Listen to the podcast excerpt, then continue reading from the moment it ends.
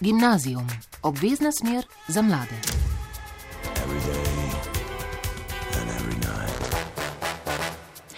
Lepo pozdravljeni. V tokratni uri, v kateri se na prvem sliši glas mladih, bodo naši gosti dijaki druge gimnazije Maribor, ki so letošnje šolsko leto sodelovali v šolskem gledališču Druga scena, katerega mentor je profesor slovenščine Drago Meglič.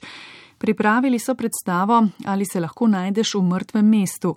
Gre za delo po motivih znanega cankarjevega besedila, katerega pa izveste v nadaljevanju. Predstavo sem si Špela Šebenik ogledala 23. maja, to je bila njihova zadnja ponovitev te predstave, saj je kar nekaj igralcev letos maturantov. Kljub pestremu zaključku njihovega srednješolskega obdobja smo se po predstavi zapletli v daljši pogovor o predstavi in njihovem gledališkem ustvarjanju. Gimnazijum, obvezna smer za mlade.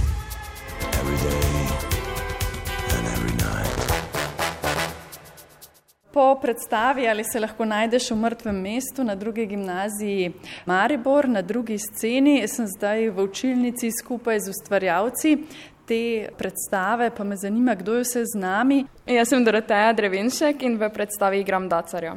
Jaz sem Ajša Mara Kacjan in v predstavi igram Jacinto. Jaz sem Filip Borec in v predstavi igram uh, učitelja Šviligo. Jaz sem Klar Opravs in v predstavi igram popotnika Petra oziroma Krištofa Kobarja. Uh, jaz sem Katja Bauman in v predstavi sem Županja. Jaz sem Jara Gostinčar in v predstavi igram popotnika. Jaz sem Neža Pogarevci in v predstavi igram Zludeja. Uh, jaz sem Lana Pfeiffer in v predstavi igram Župana. Jaz sem Alja Rojko in v predstavi igram crkovnika.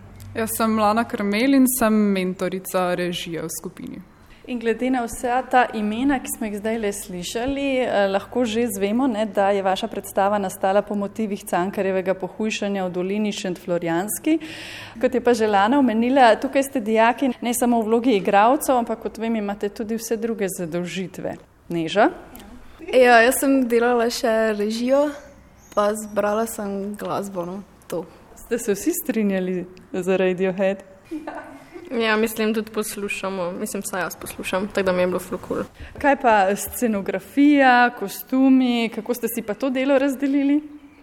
Ja, pač v bistvu smo um, za sceno se v bistvu pač to govorili, kako bomo imeli, potem pa smo se v bistvu z našo tehniko, oni so nam potem pripravili sceno, um, kostumografijo pa je imela v bistvu preko um, Miricota. Zakaj pa ste letos izbrali Cankarjevo delo za to, da ga uprizorite na vaši drugi sceni? Jaz se bojim, da nimam pravega odgovora na to, zakaj je to bolj vprašanje za našega mentorja, ker kolikor je meni znano, on določa, katero delo se bo delalo. Smo pa sprejeli ta izziv, zato ker uh, je vedno lažje, če nekdo drug določi, kaj je treba delati in samo sprejmeš to, ker ta odločitev, kaj delati, sam izbrati na besedilo je res zahtevna. Je kar težko, ne? Kako je pa v režiji šlo, si bila zadovoljna, neža s to idejo, torej cankarjevo delo? Mislim, iskreno, prvotno ne, ker je cankar. Pa se mi zdi, da v resnici vsi imamo mislim, neke predsotke, mogoče o cankarjevih delih, pardon, profesor. ja, ampak mislim, mislim se to, kar je kvar rekel, mislim, da je lažje sprejeti neko tujo idejo, kot da bi zdaj sam iskal, mislim, kaj bi rade delal. Ampak potem se mi zdi, da smo skupaj našli mislim, neko dobro, pač nekaj dobrega iz tega in da smo naredili nekaj drugačnega. No. Jara, zakaj mladi ne marate cankarja?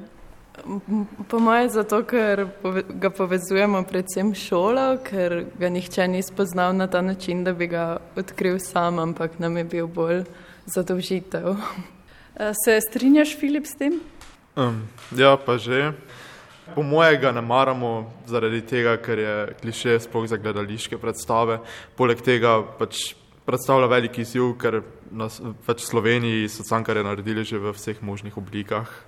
Verjetno je to um, eden izmed razlogov, zakaj bi se ognili cankarju, ker je res težko biti originalen pri tem, pa narediti res pač nek izviren tekst, sploh pri nas, ko gre za priredbo. Ampak vi ste se tega lotili na svojstven način. Um, kako ste si razdelili tiste začetne naloge, kako je nastajalo to vaše besedilo, kako ste se vsega skupaj lotili? Um, najprej je bilo ful, ful, ful zapletal.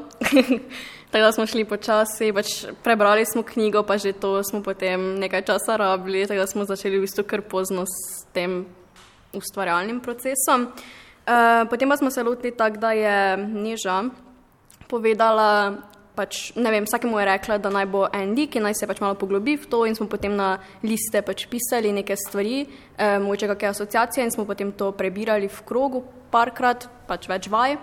In smo potem nekako tako skupaj gradili to, potem pa so še pač ti avtorski deli, ki pa smo jih potem eh, sami oziroma neža pač napisali. Doroteja, vsak si je zbral en lik, če sem prav razumela, kako ste si razdelili te vloge oziroma ti si se morala v dacarja poglobiti, ne, kako je prišlo do tega?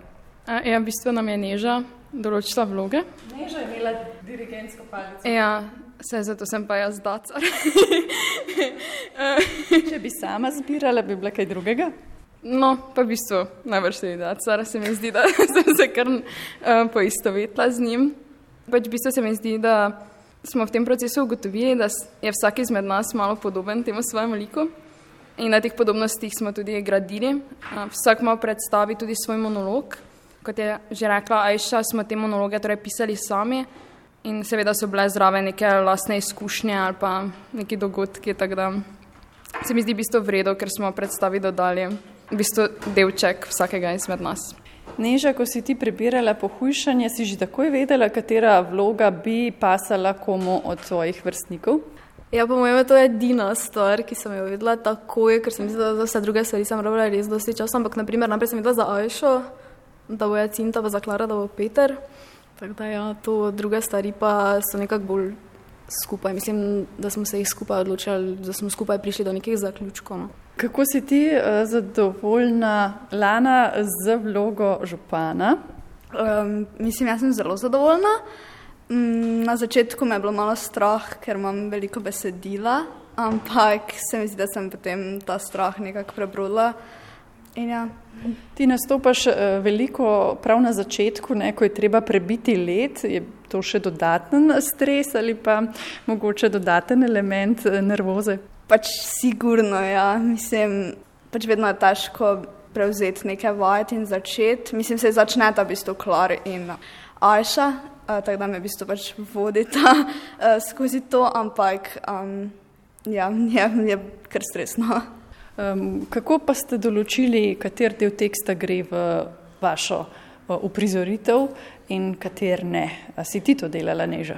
Uh, mislim, da smo se najprej že pogovarjali, kaj je najljubši del od vsakega, ampak ne vem, če sem potem pač obstala pri tem, če sem se držala tega na koncu. Ja, meni se zdi, da smo nekaj najpomembnejše delali, pa neke dele, ki pač najbolj predstavijo to dramo in, in smo lahko pač iz njih naredili neko ogrodje, mogoče da smo potem na tem gradili uh, še pač svojimi avtorskimi deli.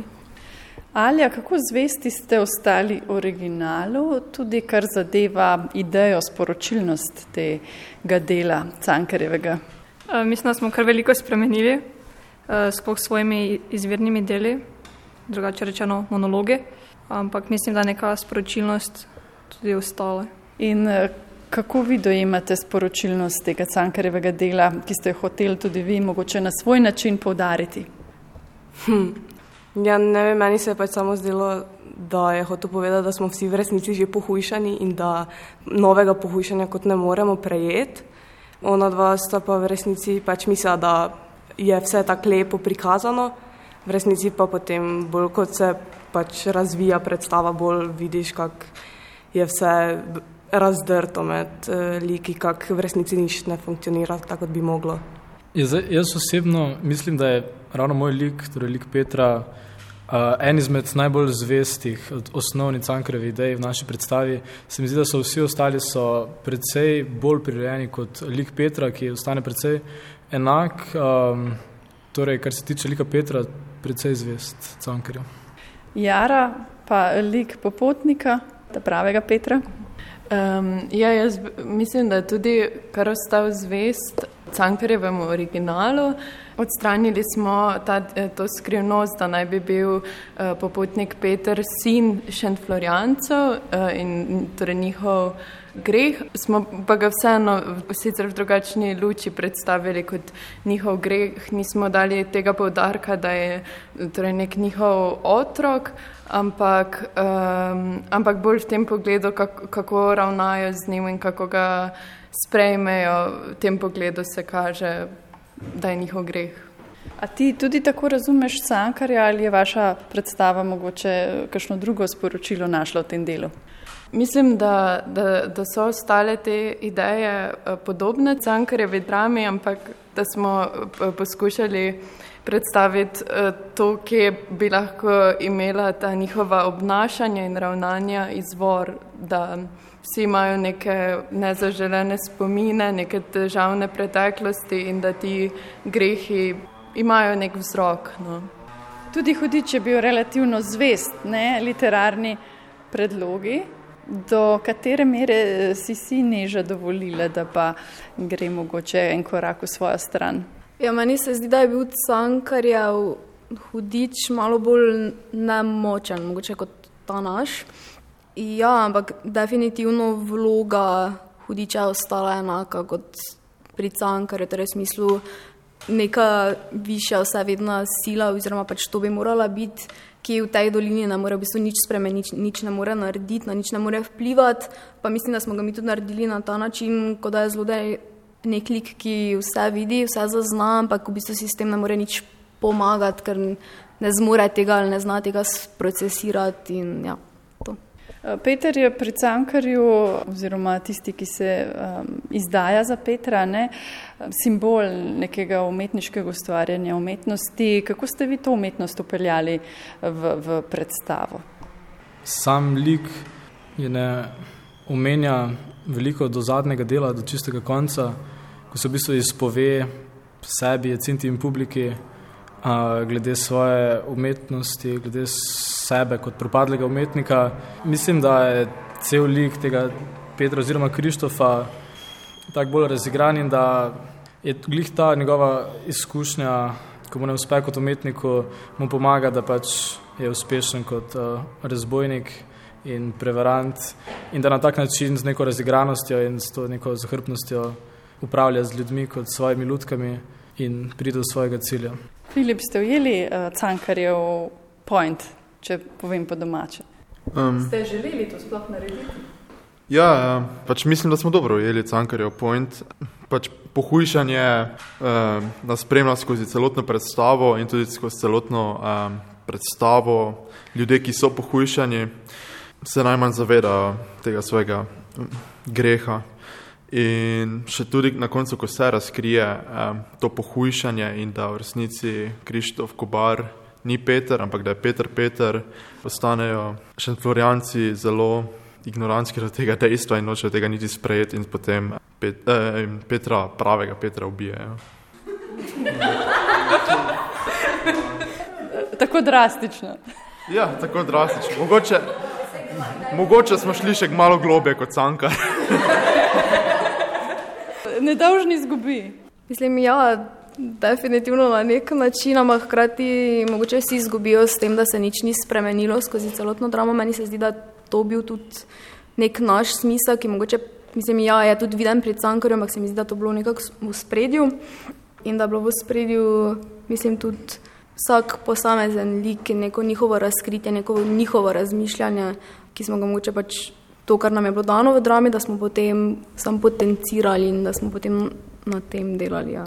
V bistvu ste bili bolj osebni ne, kot cankar.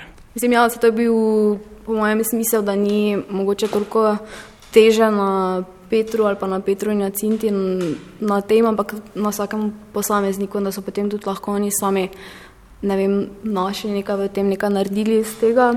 Ja, in da hkrati tudi, čeprav je vsak imel neko svoje razmišljanje, bi si mislili, da mogoče se bo iz tega kaj razvilo, nekaj se bo zgodilo, ampak je bila mislim, naša predstava skoraj neka krožna drama ali karkoli, ker mislim, nič se ni zgodilo, nič se ni spremenilo, niso še vedno isti, oni so še vedno notri v dolini in vse bo potekalo, mislim, enako potem. Prej ste omenili, da ste sami pisali te monologe, oziroma da si potem imeli na koncu nežati glavno besedo. Dacar je imel tudi, ne monolog, uh, si ga ti sama napisala, koliko je bilo tukaj sodelovanja z nežo in iz česa si izhajala, ko si um, delala. Ne? Se pravi, uh, mogoče še poveva, uh, če se ne motim, si bila na mizi z zavezanimi rokami in nogami. Uh, je bila to tudi tvoja ideja, kaj si želela s tem uh, dati? te, temu liku? Ja, v bistvu sem Dacarjev monolog uh, pisala sama, potem pa ga je Neža še na koncu malo preuredila. Sem pa pri, dat, pri tem delu izhajala iz sebe, seveda sem pač to povezala z Dacarjem um, na tak način, da v bistvu sem Dacarja naredila takega, kot da je bil nekoč nesvoboden, pa si ni upal delati stvari zaradi nekih družbenih norm, ker v dejanski drami pa je takšen res brez filtra in dela, kar mu paše. In v bistvu v tem svojem delu pove, da ga je včasih to, da je imel toliko nekih filtrov, pa da se je toliko cenzuriral, res um, težilo in da je bil zaradi tega nesrečen. Ja, najde pa neko rešitev v bistvu v tej svobodi, da se lahko obnaša, kot se hoče. Pa mladi čutite to, da ste nesvobodni, ker gledate na to, kaj misli o vas okolica oziroma kaj naj bi se delalo, kaj naj bi se pričakovalo od vas? Ja, zdi se mi, da nismo samo mladi obremenjeni s tem, ampak je to nasplošno velik problem v družbi.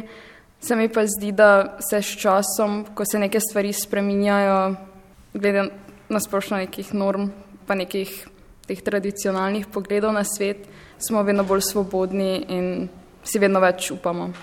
Ajša, kako pa je nastajala Jacinta? Um, jaz sem se predvsem pač začela najprej spraševati, torej, katere so te sporednice in pač glavna sporednica je ta, da so pač obe ženski. In sem se potem pač želela na to osredotočiti, eh, ker tudi smo potem, mislim, da kar pri naši priredbi um, oblikovali Jacinto m, tako, da je kot ne, neko meso za vse te šanfloriance, pa tudi pač um, ta, neka, ta nek predmet za Petra. Uh, in sem potem skozi to pač Eh, to pač razvijala, pač tudi to malo erotično dodala. Hkrati pa sem potem tudi monologu, ki sem ga sama napisala, pač želela poudariti. Um, hkrati um, žensko v svetu in pa pač nasplošno v, v pohujšanju. Rusoja si omenjala, pomeni, da te zanima Ruso, filozofija. Mm, pa ja, Zna, sem, sem pač. Um, Ja, brala sem eno knjigo in sem potem um, dobila tam inspiracijo. Ne me vprašati na slovo, ker se zdaj ne spomnim. Jacinta je bila velik del ali pa vsaj začeten del predstave pod mizo ali pa na mizi je ležala. Je to težko, ko veš, da se okoli tebe vse dogaja, ti moraš biti pa pri miru? Um, v bistvu mi je kar fajn, ker pač lahko tako počivam, pa ležim, pa pač poslušam okoli to melodijo glasov, naj bi se fulprijetno. Pa še tako, to je en trenutek v življenju, ko sem res neobremenjena, ker imam tako samo en, en cilj in to je, da pol pridem iz tega ven in začnem. Če se ne motim, neke težave so pa bile z eno steno danes, tisto uh, stekleno, ne? Ja, v bistvu se je zgodilo, zgodilo to, da sem šla noter in potem sem hodila zapreti, ampak se je nekako ponesrečila, tako da sem se tudi ranila. To se na radiju ne bo videlo. ne, sem opisem, torej pač odrgnina.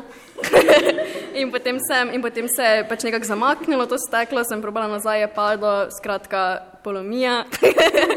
potem pa uh, se je to steklo. Pač vsak je bil v bistvu zadolžen za to steklo, da ga je skozi predstavo popravljal. ja, ampak me je skrbelo. No, ampak vse se je dobro išlo. Ja, ja, ja. Mogoče na kakšnih drugih predstavah se je tudi kaj podobnega zgodilo, da je kaj uh, šlo po svoje. Ja, uh, jaz sem na premjeri padla s stola. Pa, ja, pa Klarja na eni ponovitvi je stopil vedro z vodo. Um, pa aj še enkrat padla. Kaj potem naredite? A znate že improvizirati, kako odreagirate? Ja, v bistvu se delamo, kot da se ni nič zgodilo in se eh, pretvarjamo, kot da je vse to v bistvu del scenarija. In mislim, da nam kar dobro uspeva. Kdo je padel tudi, Ajša? Pač, kar se je zgodilo, je bilo to, da je to vedro z vodo, pač, ko sem pomočila noter noge, uh, sem potem jih dala ven in je preveč vode šlo ven. In potem, ko tečem, sem pač padla in mi je kri začela teči iz usnice in potem se tako delala, da je vse ok. In, ja.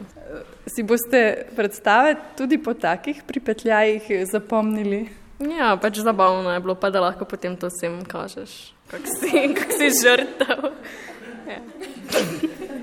Filip, ti si pa najbolj moralen uh, lik ne, v predstavi. Kako si pa ti gradil tega učitelja v sebi?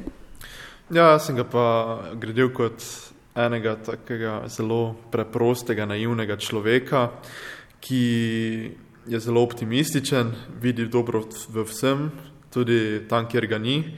In v bistvu je tudi zelo zadovoljen s trenutnim stanjem, zato ker je tak fejst slep za to, kaj se dejansko dogaja okoli njega. Smo ljudje večkrat slepi, ne? Um, mislim, kakor kateri. pač mislim, da smo tako generacijsko gledano vsi podobno slepi, samo da nas zapeljejo druge stvari. Kaj pa vas mlade zapelje? Veliko ste danes govorili o strasti, ne? Mislim, kaj nas mlade? Alkohol, ne vem. Pa, najbrž ste premišljali tudi o tem, ko ste delali predstavo. Hm, ja, zagotovo smo. Mislim, predebatirali smo res veliko stvari, marsikaj, ampak ne vem, če smo se strinjali o neki skupni zadevi. Glede teh stvari, ki nas zapeljejo ali pa nas oslepijo, smo izpostavili v današnji družbi več stvari, ne vem, to so lahko mediji, lahko socialna omrežja, karkoli takega, ampak smo se namerno odločili, da se ne osredotočimo na eno posamezno stvar, ampak da pustimo v nekem oblaku, v neki tenčici skrivnosti to neko pohujšanje, ki samo obstaja, jasno je, da obstaja, ampak ne izrazimo točno, kaj je to v naši predstavi. Ker ima najbrž tudi vsak eh, svoje pohujšanje oziroma tisto strast, ki ga zapelje lahko, ne? Ja, zagotovo na tak način se lahko več ljudi, tudi več generacij, na svoj način poistoveti s to predstavo. Peter, že prej si omenjal eden izmed bolj likov, takih, ki, ki najdejo korenine v, v izvirnem besedilu, kljub vsemu, kako si ti gradil ta lik, ne ima pomembno vlogo v predstavi. Ja, zagotovo. Mislim, v resnici se mi zdi, da sem si jaz nekaj podobnega predstavljal, že ko sem bral izvirno besedilo. In sem potem iz tistega izhajal, torej tudi iz tega, kaj si je Cankar zamislil, seveda pomagala tudi uh, režiserka z uh, njeno vizijo, z njeno idejo. Uh, in v resnici ne vem, če je bil to nek uh, proces, predvsej drugačen od tega, da smo veliko vadili in probavali različne stvari in videli, kaj odgovarja, kaj ne. Uh, in na tak način se je polsko vse vaje, se mi zdi, da se je izoblikoval en lik, ki ga zelo lahko prikličem za predstave. Županja ima tudi eh, svojo vlogo in svoj monolog, ne? iz česa si pa ti izhajala, ko si ga pisala? Ja, v resnici za ta monolog se vam zahvaliti Neži, ker je pač ona to vse naredila in jaz sem v resnici potem samo zaigrala, pa še to je bil en pač cel proces. Je bilo težko se uživeti, eh, pa govoriti tekst, ki ga nekdo drug ne piše? Na začetku se mi je zdelo uh, tako, ker v redu, pa sem se kar povezala s tem, ampak potem, ko bi pa mogla to nekako na glas pokazati, um, zaigrati kakorkoli, je pa bil malo problem, ampak potem je pač samo tako na premjeri nekako steklo, pa je pa bilo vse v redu. Jara, e, ti kar nekaj časa počivaš ne, na začetku, je to dobro ali ne? Ja, meni se zdi dobro, um, ker sem tudi tak uh, lik, ki je malo izključenec, ki ga uh, ne sprejmejo v to uh, dolino uh, in se mi zato za zdi, da, da pomaga to pri življenju v to vlogo, da sem uh, dalj časa odmaknjena. Kako pa je tvoj tekst, monolog, eh, nastajal, ti hodiš okoli mize ne, in imaš eh, nekaj uh, svojih misli, predaš gledalcem? Ja, na začetku je, mi, ne, mi, je Neža mi pripravila nek uh, tekst o begunstvu, ampak sem, smo se potem odločili, da tega ne bomo uporabili v izvirni obliki, ker je v bistvu um, tekst izjava nekoga, eh, ampak smo potem, sem se potem vseeno na to nanašala in pa iz tega izhajala, pa poskušala nekako uh, strniti te občutke, čeprav vem, da se v to ne moreš nikoli povsem vživeti, ampak um, sem poskušala pisati o tem, o nekem človeku, ki je zaradi nekih grozot, ki jih je opazil na poti, čisto zgubil uh, upanje in postane nedotakljiv za, in se pre, preneha z, se opredeljevati do stvari, ker opazuje same krivice. Koliko dela pa je bilo z županom? Mm, v bistvu se mi zdi, da je bilo kar nekaj razmišljanja o tem, pač, kaj meni ta lik pomeni. Tudi moj del je pisal, napisala neža, da sem imela malo manj dela kot ostali. Ampak sem v bistvu pač potem izhajala iz tega nežnega teksta, ki ga je napisala in pač ga poskušala se v bistvu poistovetiti z županom in najti neke skupne točke. In mislim, da m, to mi ni vzelo toliko m, časa, je pa vzelo veliko truda. Si se kdaj na vajah, mogoče celo na predstavi zmotila, pa uh, v ženski obliki povedala besedilo? Mm, mislim, da se mi ni to zgodilo. Eh, koliko se spomnim. Alja, eh, kako pa je bilo z crkvnikom? Tudi nekaj teksta, ne? kako je pa tvoj nastal? Uh, moj monolog govori o sanjarjenju, o nekem begu iz realnosti, ki sem ga potem predstavila z nekim realnim prostorom, kopalnico. Um, Sanjarjenje je to tudi ena vrsta pohujšanja lahko. Ja. Kaj pa hudič? Hudič, eh, poleg režije pa sestavljanja besedila predstave, si se morala ti neža ukvarjati še s samim hudičem, ne? Ja, meni se zdi, da sem se najmanj ukvarjala s hudičem, ker v bistvu nisem do kakega, kaj je to bilo meseca, mogoče malo več pred premjero. Nisem vedela, da bom sploh igrala, ker mislim, ni bil to moj namen, sem mislila, da bom delala sam režijo, ker se mi že to zdelo, mislim, dovolj velika stvar. Uh, in sem v bistvu najprej naredila vse druge stvari, potem pa ta zlodel monolog, ki je delno cankar, je delno pa moj. Uh, sem v bistvu napisala po mojem kar tri tedne, dva tedna pred premjero komoj. Tako da mislim, nisem se mogla toliko ukvarjati z lode, ampak se mi zdi, da ker sem se toliko poglobila v mislim, celotno predstavo, pa v vsak lik, da je potem nekako naravno mislim, prišlo to, da sem lahko to igrala in napisala in to. Gimnazijum, obvezna smer za mlade.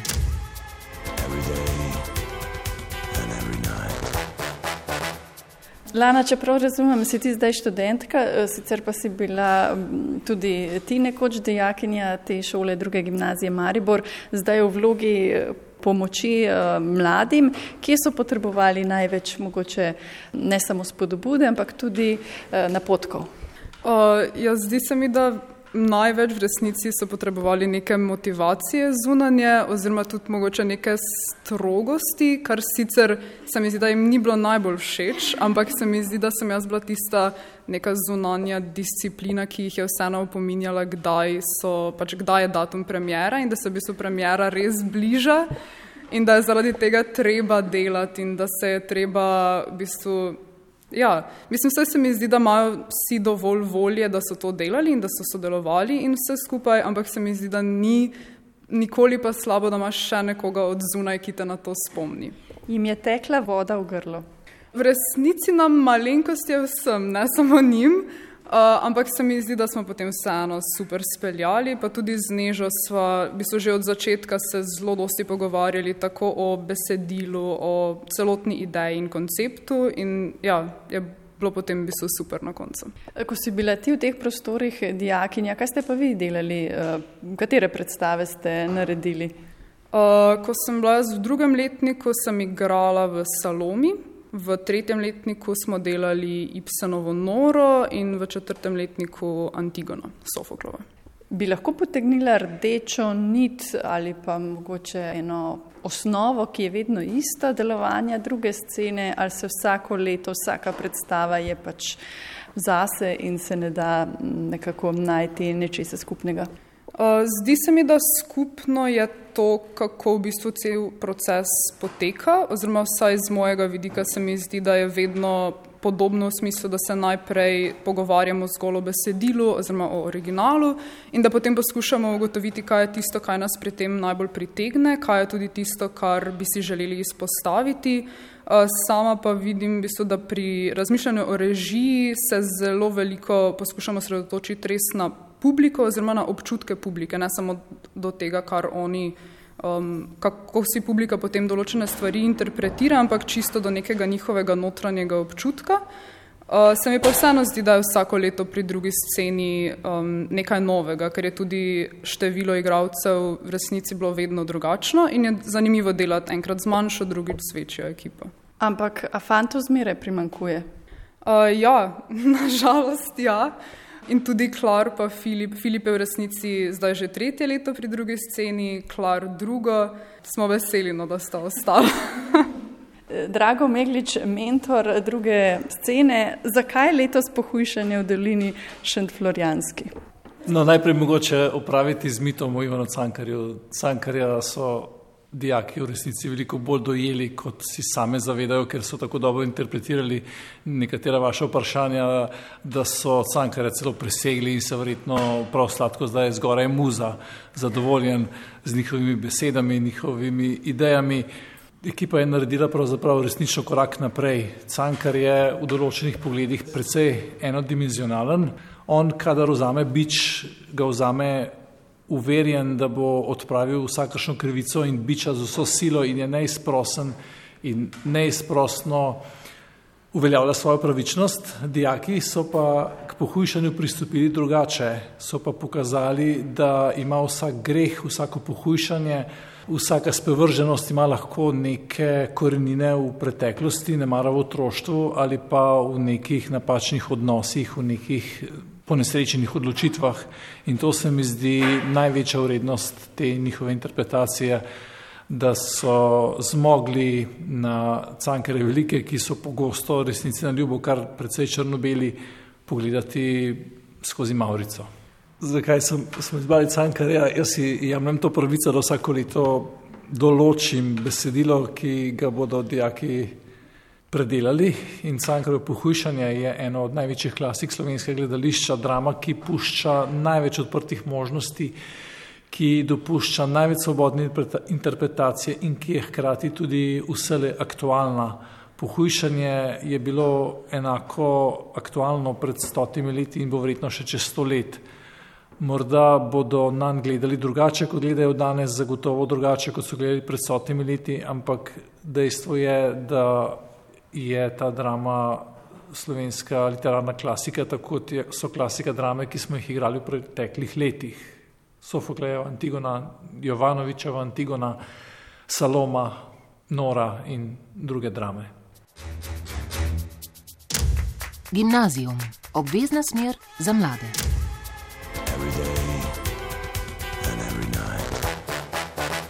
Katja, Filip, Doroteja, Lana, Lana, Jara, Ajša.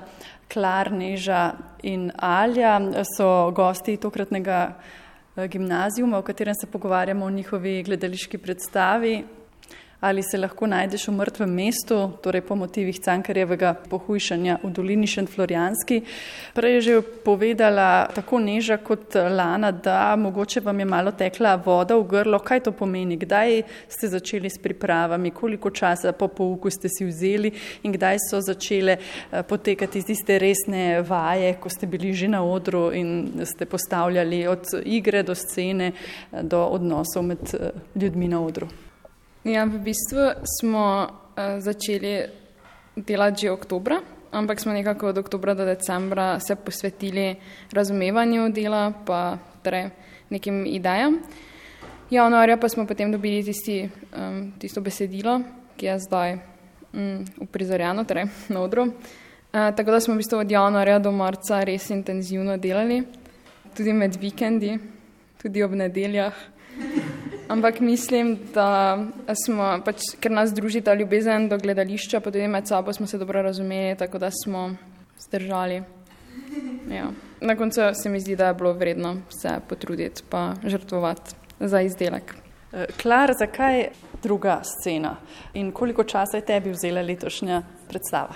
To ni moje prvo leto v drugi sceni, sem bil že v Antigoni. Takrat sem se pridružil v bistvu zaradi um, pomankanja fantov, zaradi tega, ker sem se poznal z parimi člani, z ostalimi sem se zelo hitro tudi spoznal in hitro spoprijateljil. No in potem sem nadaljeval tudi letos, čeprav je to moje zadnje leto in sem se zdaj na koncu istočasno posvečal tudi maturi. Kar se pa tiče časa, ki mi ga je vzelo, jaz verjamem v to, da če si nekaj želiš delati in če ti je nekaj strast, če ti nekaj všeč, če nečem uživaš, boš zato vedno najdel čas, tudi če se imaš zaučiti. Je pa res, da je šlo kar veliko nedelj. Jaz bi rekel, jaz bi si upal trditi, da smo mi rekorderji po številu preživetih nedelj vsaj letos na tej šoli, ker so bile vaje pogosto tudi ob nedeljah. Zakaj je med tednom zmanjkalo časa? Imate preveč drugih obveznosti tudi? Tudi med tednom so bile vaje. Mislim, zmanjkalo je dni v tednu, torej pet dni, in pa smo vzeli še ta dva dni. Pa pač mislim, da smo si vsi želeli, da je natančno narejeno, pa da, smo, pač, da nam je udobno v tem, kar smo naredili. In se mi zdi tudi ok, pa fajn je bilo, ker sem se lahko družila, pa imela nek razlog, da nisem doma. Uh, Filip, je kaj trpela uh, matura? Ja, bomo videli, ne? Ampak mislim, da potem, ko imaš pač tako zaseden urnik z nekimi dejavnostmi, si tudi lažje organiziraš čas in se v bistvu mogoče še bolj učiš, kot bi se sicer, ko bi imel, kot bi profesor naš rekel, prosto prešerno.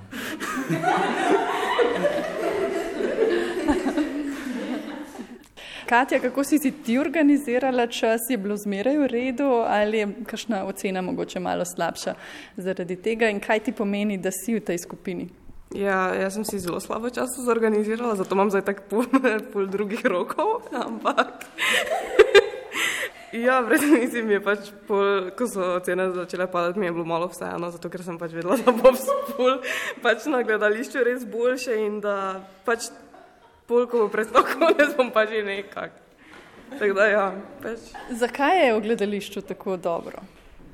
Ja, ne vem, po mojem, ker se vseeno vidi nek končen izdelek, pa zato, ker ne, ni neka matematika ali karkoli, kar res tako nikomor ne gre, razen če pač ti je to dano v gledališče, pa je pač nekaj, kjer lahko vsi ustvarjamo. Jara, kaj tebi pomeni to, da si v drugi sceni? Pomeni mi predvsem to, da uživam v teh odnosih, ki smo jih skali pred predstavami in vajami predvsem to in pa da um, se lahko pogovarjamo uh, in analiziramo neka dela in da vidimo uh, veliko različnih uh, pristopov in načinov in potem probamo izluščiti najboljšega. Je to nek zanimiv in lep kreativen proces. Neža, eh, koliko časa si ti morala tudi zaradi svoje vloge režiserke posvetiti tej predstavi? Ja, meni se zdi, da je ogromno. No. Mislim, ker če igraš, ok, se moraš naučiti besedilo, poglobiti liku, pa pač i tako hoditi na vaje, pa potem svoj čas žrtovati za te nesrečne nedelje. Um, ampak se mi zdi, da sem toliko dela mogla, mislim, sama vložiti to, da sem se sama doma spravila mislim, delati to, pisati to, razmišljati o tem. Kar se mi zdi, da je včasih težko, ker bi mogoče človek čakal na nek navdih, da bi lahko nekaj napisal, ampak ker imaš nek rok, ok, se moraš zdaj sest, pa ok, zdaj pa razmišljaj malo o tem. In se mi zdi, da zato je tudi kar, mislim, pozno. Mislim, sem potrebovala nekaj časa, da sem lahko to napisala in to naredila, mm, da sem v bistvu sploh sama vedela, kaj hočem narediti, kaj hočem napisati. Si se letos prvič preizkusila tudi v vlogi režiserka ali ti je to znano že odprej? Ne, prvič sem delala nekaj takega. In kako je šlo? Odlično. Ja, si potrebovala kaj pomoči, si morala koga kaj vprašati ali si kar znala? Mislim, ne, absolutno nisem imela pojma, kaj delam. Takrat mi je Lana pomagala in mi je pa to fulfajn, da sem lahko nekomu povedala vse neke svoje ideje in da sem potem dobila nek feedback aj tako to je prenoro, ali ne tega dela, raje ne karkoli, ali pa to je super, gremo s tem. A, tako da to je bilo super, pa mislim, težko se je potem tudi usklajevati, ne vem, s, s tehniki, s kostumografijo, no, ker je, mislim, naučila sem se mogoče kako predstaviti neke svoje želje, kako jih ubesediti in to, kar se mi zdi, da je bilo kar težko. No. Lana je pa najbrž pomembno, da predstava izhaja iz mladih samih, da sami naredijo predstavo, da imajo sicer pomoč, ampak ne, da samo da dobijo tekst, pa potem nekaj odigrajo. Ja, definitivno. In to se mi zdi sploh, če je izbira res cankar oziroma karkoli, kar je v bistvu klasika, se mi zdi to še toliko bolj pomembno, ker ravno zaradi tega, ker imajo občutek, da je cankar mogoče nekaj, kar jim ni preveč všeč, oziroma nasplošno nek kanoniziran tekst, da to ni nekaj, s čimer bi se še enkrat ukvarjali. Se mi zdi pri tem res nujno, da najdejo nekaj, kar jih povleče vseeno k temu tekstu, čeprav je od nastanka minilo že več kot sto let in da, ja, da se v bistvu še vedno vračajo k temu, da, neka, da morajo najti neko notranjo motivacijo tudi. Ja. Tako zelo hipotetično vprašanje. Najbrž je veliko odvisno od generacije pa skupine mladih, ki sodeluje ne, na predstavi. Če bi imela ti v svojih letih tole predstavo za narediti, eh, misliš, da bi nastala popolnoma drugačna, zelo različna ali misliš, da bi bilo kaj podobnega? Mislim, da bi v bistvu bilo nekaj podobnega, ja, ker se mi zdi, da tudi to, kar smo letos naredili, da imamo v bistvu publiko na odru in da je vse dogajanje zelo na nek način utesnjeno, da je to nekaj, kar se mi je zdelo zelo zanimivo, čisto kot nek gledališki, morda ne za res eksperiment, ampak ja, neke vrste eksperiment pa vseeno. Da torej, kakšen je občutek, ko si kot igralec obdan s publiko čisto od blizu, ki te na nek način utesnjuje in hkrati se to potem povezuje tudi z občutkom publike, ki ima spet enako utesnjujoč občutek in ki ima občutek, da je zdaj vse toliko bliže, da se jih morda tudi toliko bolj dotakne, da so toliko bolj del tega. Um, ja, se mi zdi z tega vidika zelo zanimivo. No. Kako je nastopati, če je publika na odru? Definitivno pač je zalogaj, zaradi tega, ker um, si je treba pač organizirati, kako se boš gibal, pa da boš imel ti dovolj prostora, da bo imela publika dovolj prostora. Ampak je pa hkrati tudi um, meni vsaj zelo spodbudno, zaradi tega, ker se mi zdi, da se še bolj potrudim, ko vem, da je nekdo tako blizu mene in pač da me res um, intenzivno opazuje. Ste vsi uh, skupaj eh, to idejo sprejeli, da bo publika tako blizu vas? Ajša. Ja, pač mislim, meni se je zdelo full fine, da malo podramo uh, ta klasičen pristop v smislu, da pač je amfiteater, torej tam so gledalci, pač na drugi strani je oder. Uh, pa tudi mislim, da je dobro pasalo v celo to idejo cikličnosti, ki smo jo tudi vpeljali. Ja. Drugačen del vaše predstave so tudi maske, goveda, česa, nekaj takega. Ne? Kako pa je to nastalo? Ja, maske. to mislim, da je bil tak eden izmed večjih problemov predstave, ker smo vedno bili tako, okay, kje bodo te maske, kam jih bomo predstavili, kdo jih bo imel kdaj gor, kako bomo videli in smo se s tem ful ukvarjali. Uh, maske pa je naredil Tibor Frančič. In potem, tako da jaz sem v bistvu veliko krat se v tem pogovoru o maskah pač izognila in šla nekam drugam, ker je bilo pač preveč. Um, vprašanj in jaz sem bolj ta tip, da rečem, da se bo samo razrešilo. Čemu služijo te maske? Bomo kar režiserko vprašali. Te maske se mi zdi, da so ena izmed prvotnih idej, ko sem še jaz mislila, da bo vse dogajanje v hlebu potekalo. Tako da to je bilo to, da bi nekako pač enačili te um, pač šentflorjance, mogoče živalmi v nekem smislu nagonov ali karkoli.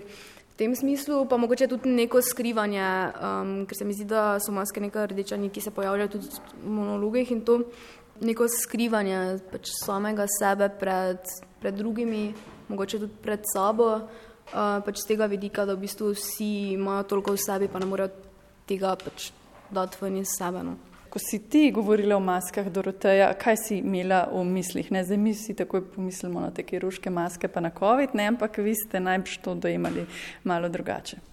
Ja, masko sem dojemala kot nek bistvo zid, ki si ga postavlja ta lik pred sabo. Torej, da se pretvarjaš, da si nekaj, kar nisi, um, pa da mogoče skrivaš svoje čustva, pa svoje dejanske misli. Uh, tako da na tak način sem jaz dojemala maske. Ampak, če si igralec, oziroma to želiš biti, ne, pa ne smeš imeti maska. Ne? Ali je vsaka vloga maska? Hmm. ne, v bistvu se mi zdi, da ne, so maske na odru vem, definitivno se moraš pretvarjati, da um, si nekdo drug, uh, hkrati pa mora en del tebe pač ostati. Tako da se mi zdi, da so maske tudi pomemben del na odru. No. Kakšnih maskah si ti niža govorila, ko je govoril hudič? Ja, meni se zdi, da je bilo kar mislim, podobno kot pri Dorotaj, zaradi tega, ker zelo da v bistvu govori v svojem monologu o, mislim, o tujih maskah, o drugih, ne toliko o sebi, kot pač o šenforjancih. Ja. Samo to ste tudi večkrat omenili, ne? Ja, jaz mislim, da so vsi v tej dolini sami, mislim, sami z nekimi svojimi problemi, ki jih ne znajo rešiti, uh, sami v tem, ker se v bistvu noben z nikomer ne pogovarja, zato ker mislim, ja, imajo te maske, noben sploh ne ve, kdo je mislim, drug človek, nimajo sploh nobenih pravih stikov. Mm, ja, zato sem to dala potem tudi v zludeja.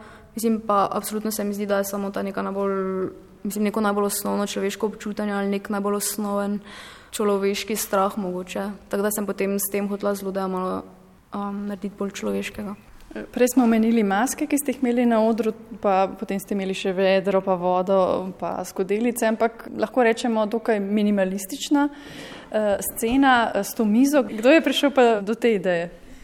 Um, Najbrž ste tu morali tudi gledati na budžet, pa na to, da boste lahko to naredili, na vse te stvari. Ne? Mislim, absolutno se mi zdi, da so bili problemi z denarjem. Mislim, absolutno se smo srednje šolsko gledališče, pa potem pa se na koncu vse malo magično rešilo, se nam zdi z denarjem.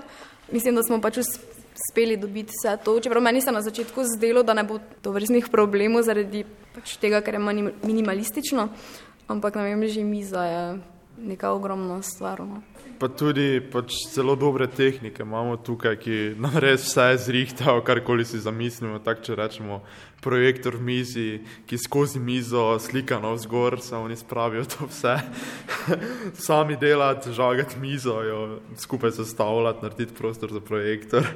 Pač tako da je velik del naše scene, se moramo tudi tehnikom zahvaliti za njo. In dogajanje poteka na odru in tudi na stropu, ne, na platnu. Ta ideja je tudi dobra, ne, vsi ne vidijo nekoga, ki leži ne, na, na mizi. Kako je prišlo pa do tega in koliko časa ste morali temu posvetiti, tem videom? Ne bi vedela, od koga je bila to ideja, ampak mislim, da je kar nekaj časa bilo potrebnega za to, da smo mi pač ugotovili, kako bomo izvedli to idejo na koncu so nam naši tehniki ugodili in so um, vse zrihtali tako, kot je treba. Ja, smo pa pri snemanju posnetkov, eh, ki so na projekciji, tudi imeli velike uh, izzive. In ena izmed prvih idej je, da te posnetke posnamemo z dronom, ampak naj rečem, ta dron nas ni preveč obogal, tako da smo se potem v bistvu nekako zatekli k tradicionalnim oblikam snemanja in smo splezali na ta del za tehnike, kjer so pač luči. In je naša Jara to posnela. Uh, tako da Jara ni samo igrala, ampak je bila tudi naš, v bistvu, dežurni tehnik. Jara, plezala si. Ja, tehniki so mi pokazali neko pot nad, nad odrom, tako rešetke, skozi katere sem potem na stol imela tako ptičjo perspektivo. In sem lahko posnela te prizore. So bili vse pridni in kadrov ni bilo treba ponavljati? Nekajkrat smo morali ponoviti, ampak tudi zaradi eh, takih tehničnih težav, eh, tako da smo, mislim, da v enem dnevu potem vse uspeli posneti. Pa ste snemali s fotoaparatom, s kamero, dron torej ne, ne? Ne, dron se ni obrestoval, tako da smo eh, uporabili fotoaparat, ja ta dron je bil fulhecen, ker smo v bistvu imeli tudi omejen čas na odru, ko lahko to snemamo, ker je potem um, bil odr zaseden in smo mislim, da imeli kaj eno uro v resnici, da smo vse to naštudirali. Doroteja naša pa je pred tem z dronom, mislim, da dve uri pred tem pač delala vragolije in pač mi smo se umikali, sklanjali, spohnem, če je to dovoljeno. ja, ni tako enostavno drona, ne, pelja tako lepo. Ja, noter. Ja, pa dvorana. Ja. Ampak vseeno, ne, tale dvorana vaša je pa zlata vredna, ne, Filip? Ja, absolutno. Ima ogromno funkcij in da si, mislim, da imaš srednjo šolo z teatrom na takem nivoju, Mislim, to je res izjemna priložnost in mislim, da tudi to zelo dobro izkoriščamo z obilnim številom gledališč, ki jih imamo tukaj. A boš ti kaj pogrešal srednješolsko okolje, dogajanje, ko boš enkrat na fakulteti? Ja, to bo kmalo. Mislim, ja, definitivno veliko uh, stvari pogrešal. Mislim, druga mi je res dala, vem, veliko dobrih spominov, čeprav kljub dvoletni karanteni. Mislim, da sem spoznal ogromno dobrih ljudi, pač zelo zabavnih ljudi. Ne vem, dosti priložnosti sem imel o, pri iskanju raznih dejavnosti, hobijev in tako. Mislim, tu se res lahko poiščeš, če se želiš. Pa, pa ti boš tudi kaj pogrešal dogajanje na drugi? Ja, zagotovo, če se pridružim Filipu, tudi meni je druga dala res veliko in mislim, da bo prav teater en izmed tistih prostorov, ki jih bom najbolj pogrešal. Res smo veliko časa tukaj preživeli, veliko se družili, veliko zabavali in je res uh, nek prostor, ki bo ostal res uh, lepem spominu. Tisti, ki zdaj niste četrti letnik, pa najbrž boste nadaljevali ali ne? Ja, definitivno. Mislim, to, da narediš predstavo, je res nekaj pač najlepšega, kar se lahko ti zgodi, po moje. Kakšni so občutki, ko slišite končni aplaus gledalcev? Ne, meni je vedno na premjeri bilo najbolj smešno, zato ker imamo full teh tem in potem niti niso vedeli, da se je končalo in smo mi samo čakali, kdaj bo kdo začel ploskati. Pa smo profesorja, od profesorja malo pričakovali, da bo mogoče on vedel, ko se konča, pa nihče ni vedel, pa se je samo v zaveso odprla, pa smo bili tako, ja, prosim, en aplaus, hvala. Ja, pač v redu, je super, ker si pač res nekaj dosegel, pa ljudem je koliko toliko všeč. Eni sicer ne razumejo najbolj naše predstave, ampak ni vse za vse. Ja, so dobri občutki. Mislim, pač definitivno si zelo ponosen na nek dosežek, ki ti je uspel. Zelo si pač, mislim, da je zelo lep občutek, da pač um, se dosega neka taka stvar in da pač naenkrat ima neke stvari tudi smisel in pač tudi mislim, da se. Vse ja. tiste nedelje dobijo smisel, ne? Ja, se mislim, vse imajo smisel, že tudi ko smo pač um, v nedeljo tukaj, zaradi tega, ker mislim, tako kot je Klar že omenjal, pač ker imamo res radi, mislim, da vsi tu gledališče, pa mislim, da pač se radi družimo in se mi zdi, da pač tak čas ni zapravljen in mislim, da pa pač ta končni aplaus pa pač mu da še nek dodaten sladek prekus. Neža pa konec je, ne? Že naprej gledate na nov izziv ali vseeno mogoče bi si želeli še kakšno ponovitev več? Ne, mislim, mi imamo maturo, tako da mislim, da, je, da se moramo zdaj drugim starim posloviti, ampak meni se zdi, da je bilo dovolj, ker je bilo, mislim, kar veliko predstav, glede na to, da pač ta naša postavitev uh, sprejme 50 gledalcev in smo potem pač morali imeti več ponovitev. Ja, in se mi zdi, da je bilo dovolj. Občutek je pa dober, ne? ko se enkrat um, zavesa odpre in uh, doživite aplaus. Mislim, ja, jaz sem imela ful občutek olajšanja po pač koncu premjere, ker se mi zdi, da sem takrat prvič videla, da okay, smo nekaj ful dobrega naredili in sem bila res ponosna na vse, ker se mi zdi, da so mislim, izjemno zaigrali vsak svoj lik. Mislim, da imamo lahko vsi nekaj lepe spomine na vse te predstave. Hvala za tale pogovor, eh, pa veliko uspeha vam še želim. Eh, upam, da bo tudi na faksu ne, kakšna taka priložnost za kakšno gledališče. Tako da hvala za pogovor. Gimnazijum. Obvezna smer za mlade.